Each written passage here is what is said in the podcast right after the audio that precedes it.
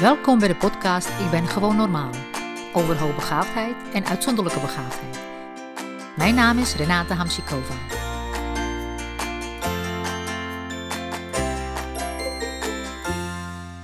Heb je wel eens gehoord over intuïtief opvoeden?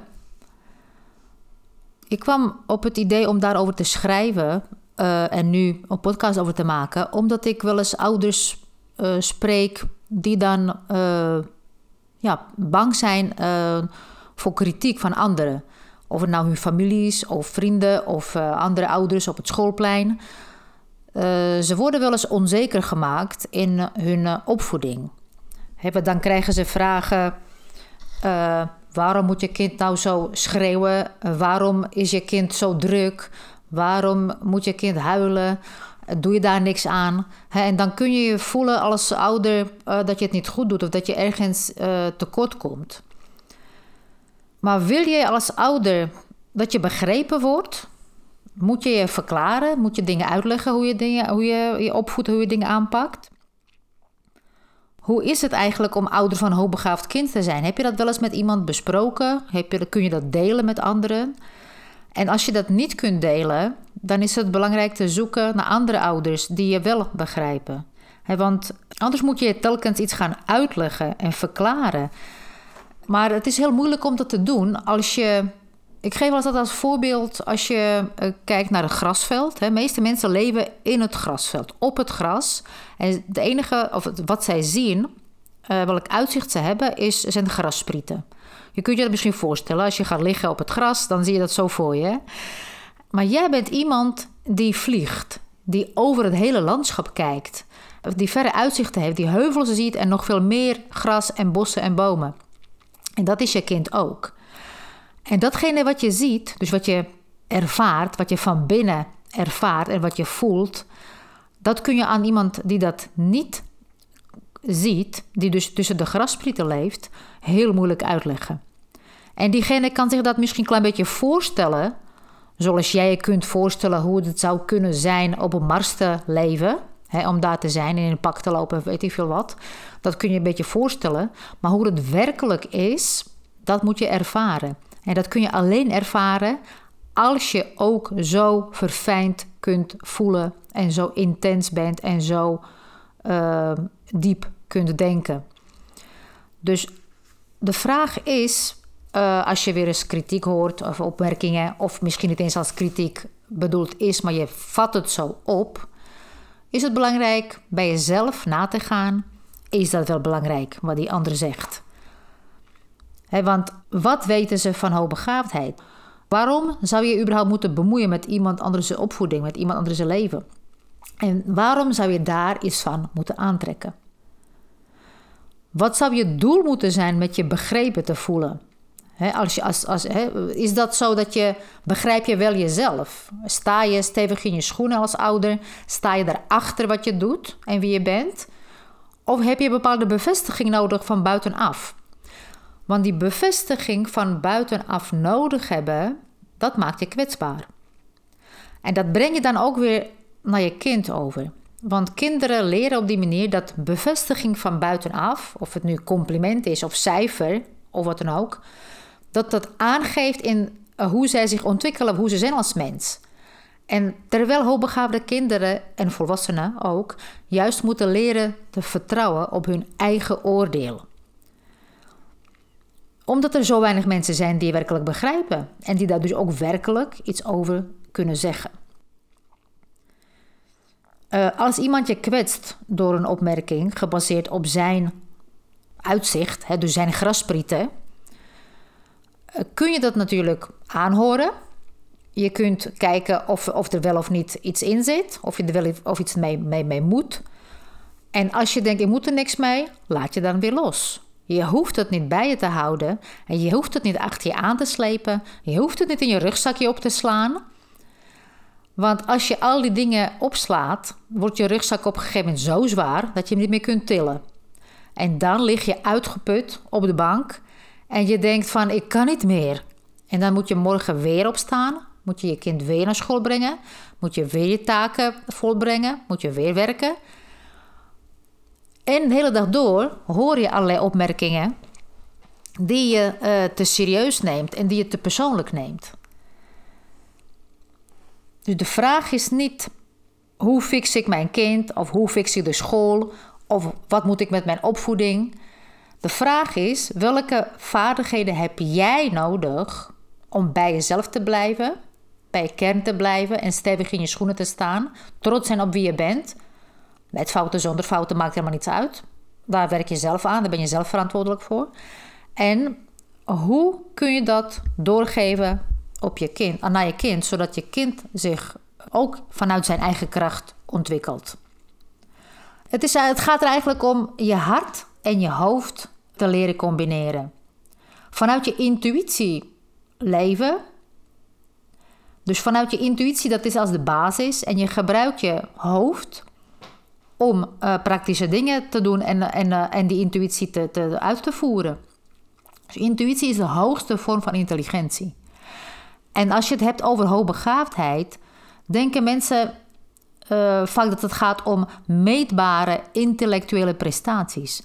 Maar niets is minder waar. Intens voelen en empathisch zijn, dat is de ware intelligentie van hoogbegaafden. En natuurlijk ben je ook intellectueel nieuwsgierig en rigoureus in je streven naar kennis en bereid om je veronderstellingen te, uh, te wijzigen en uh, in twijfel te trekken. Maar belangrijk is dat je leert de, die twee soorten denken te combineren.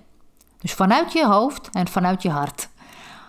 Wat als we zowel het rationele verstand, de getrouwe dienaar, en uh, je hart tegelijkertijd gebruiken, hoe zou dat dan uitzien? Hoe zou het dan klinken en voelen? En hoe zou het op je kind overkomen? En ik heb voor je toch maar vijf praktische tips. Het zijn niet tien tips om gelukkig te zijn, maar praktische tips om uh, naar je opvoeding te kijken. Eén, wat ik uh, vaak aan ouders zeg, het is tijd om van jezelf te houden. Want hou van jezelf zoals je van je kinderen houdt. Je kunt niet van je kinderen houden als je niet van jezelf houdt. Het is tijd voor zelfliefde. Adem nu liefde voor jezelf in en voel het in je hart. Hoe meer zelfliefde, hoe meer liefde je voor je kinderen en anderen kunt hebben. En mensen gaan het merken, mensen gaan dat voelen, dat die jouw energie anders is. En zeker intense, empathische, intelligente kinderen. Twee is duidelijkheid over wat je echt wilt voor je kinderen. Duidelijkheid is van het grootste belang om betere ouderschapsoplossingen te, uh, te hebben, te bedenken en beslissingen te nemen. Dit is het moment om tijd voor jezelf te nemen. Ga rustig zitten of liggen. Begin door al je gedachten naar boven te laten komen. Positief, negatief, neutraal, maakt helemaal niets uit. Alles is goed.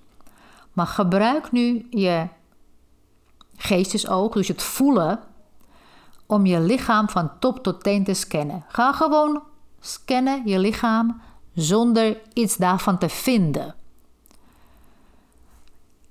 En geef jezelf toestemming aan je emoties, aan, aan, aan je gevoel, aan, aan, aan je lichaam, aan alles wat je, wie je bent, om zich te presenteren. Gewoon positief, negatief, maakt niets uit, neutraal.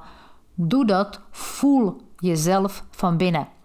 Door namelijk, uh, dit is niks, niets zweverigs, dit is gewoon heel menselijk. Mens is zo ver van de natuur verwijderd en zo druk bezig met de hele dag iets te regelen en ergens te rennen en naar schermpjes te kijken, dat je vergeet jezelf te voelen.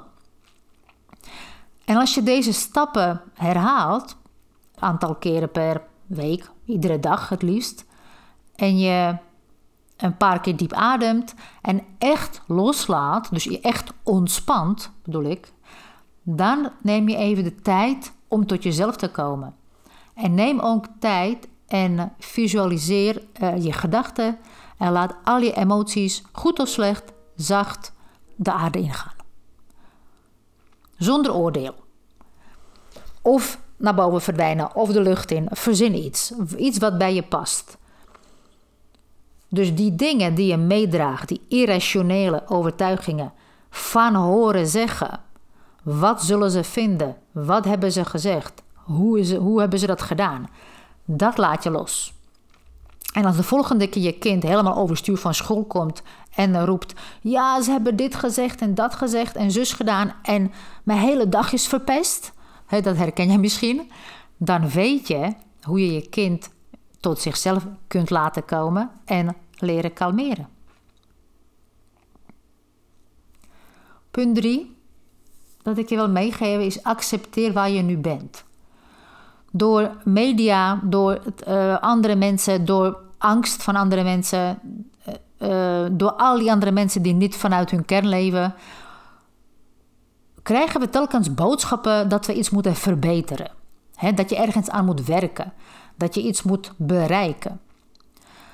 Maar je weet misschien uit ervaring dat stress het lichaam en de geest op scherp zet. Het overspoelt het lichaam met stresshormonen. En het hart uh, bonst en je krijgt maagpijn en je krijgt hoofdpijn. Uh, de spieren spannen zich aan. De ademhaling versnelt. De maag draait om. Nou ja, angst, stress en overweldigend, uh, overweldigende gevoelens... die zijn tegenwoordig de belangrijkste wegversperringen voor, in je leven inclusief je relaties met anderen, maar ook met je kind. Maar als je vanuit je hart leeft, ervaar je geen angst voor het leven. Hoe vaker je naar je intuïtie luistert, hoe beter. Kinderen zijn meesters in het lezen van je energie. En als je eerlijk bent tegen jezelf en vooral tegen je kinderen, voelen ze dat direct. Je kind zal niet alleen je eerlijkheid en congruentie voelen, maar het zal, ook, het zal het ook respecteren. Het zal ervaren hoe het is om authentiek te zijn. Volgend punt. Uh, maak je opvoedingskeuzes en wees er trots op. Ik heb in een van de andere podcast uh, gepraat over uh, verschillen tussen partners in, in ideeën over opvoeding of over hoogbegaafdheid. Maar belangrijk is dat je je keuzes maakt en daar trots op bent en daarbij blijft. Nu je je geest en emoties hebt leeggemaakt, hoop ik, en in je hart bent, is het tijd om je, uh, om je ouderschapsbeslissingen te nemen. Daar vandaan kun je namelijk dus intuïtief weten wat goed is en wat je wil. Begin met je hart te voelen. Voelt het vanavond of morgenochtend uh, voordat de school begint, uh, voordat je met, met je dochter of zoon naar school gaat Praat erover. En praat ook over je gevoel. En als je, dat, als je vanuit je hart uh, naar je kind kijkt, dan weet je uh, wat goed is. Je gaat niet net voor school over schoolwerk praten en of uh, zeggen wat allemaal niet goed is gegaan, zodat je kind ook met gestrest op school zit. Je blijft rustig, je weet wat je kunt zeggen en als je vanuit je hart leeft, als je dat echt werkelijk voelt, dan ben je niet angstig, dan ben je niet boos, dan ga je niet schreeuwen. Dan, dan wordt je dag echt heel anders. Dus na het voelen, voel je ook je buik. En je voelt je onderbuik. En dat voelt licht. Als het goed is. En als het nog zwaar voelt, dan moet je nog meer naar binnen. Dan moet je nog meer ontspannen. En vertrouw altijd op dat gevoel in je hart en je onderbuik. Ze zeggen niet voor niks je onderbuikgevoel. Want dat, als je dat hebt, je onderbuikgevoel, dat, dat hebben vaak ook ouders die bij mij komen. Ik heb het idee dat mijn kind hoogbegaafd is. En, maar ik twijfel. En waarom twijfel je? Omdat je ouders zeggen dat het misschien niet zo is. Omdat je buren zeggen ik zie het niet. Omdat de leerkracht zegt ik zie het niet. Dus je gaat je onderbuikgevoel overroelen. En dat is wat je eigenlijk ziek maakt, wat je stress brengt. Daardoor je stress ervaart. En dat hebben kinderen ook. En dus punt 5. Vertrouw erop dat je juiste beslissing hebt genomen. Je gaat niet uh, datgene wat andere mensen zeggen weer binnenlaten. Je gaat het niet in je rugzakje stoppen. Je gaat er niks mee doen. Je laat het gaan. Want je stopt met nadenken en je neemt je beslissing. Het vergt moed om op je intuïtie te vertrouwen. Maar gaandeweg heb ik ontdekt dat intuïtie niet kan worden betwist.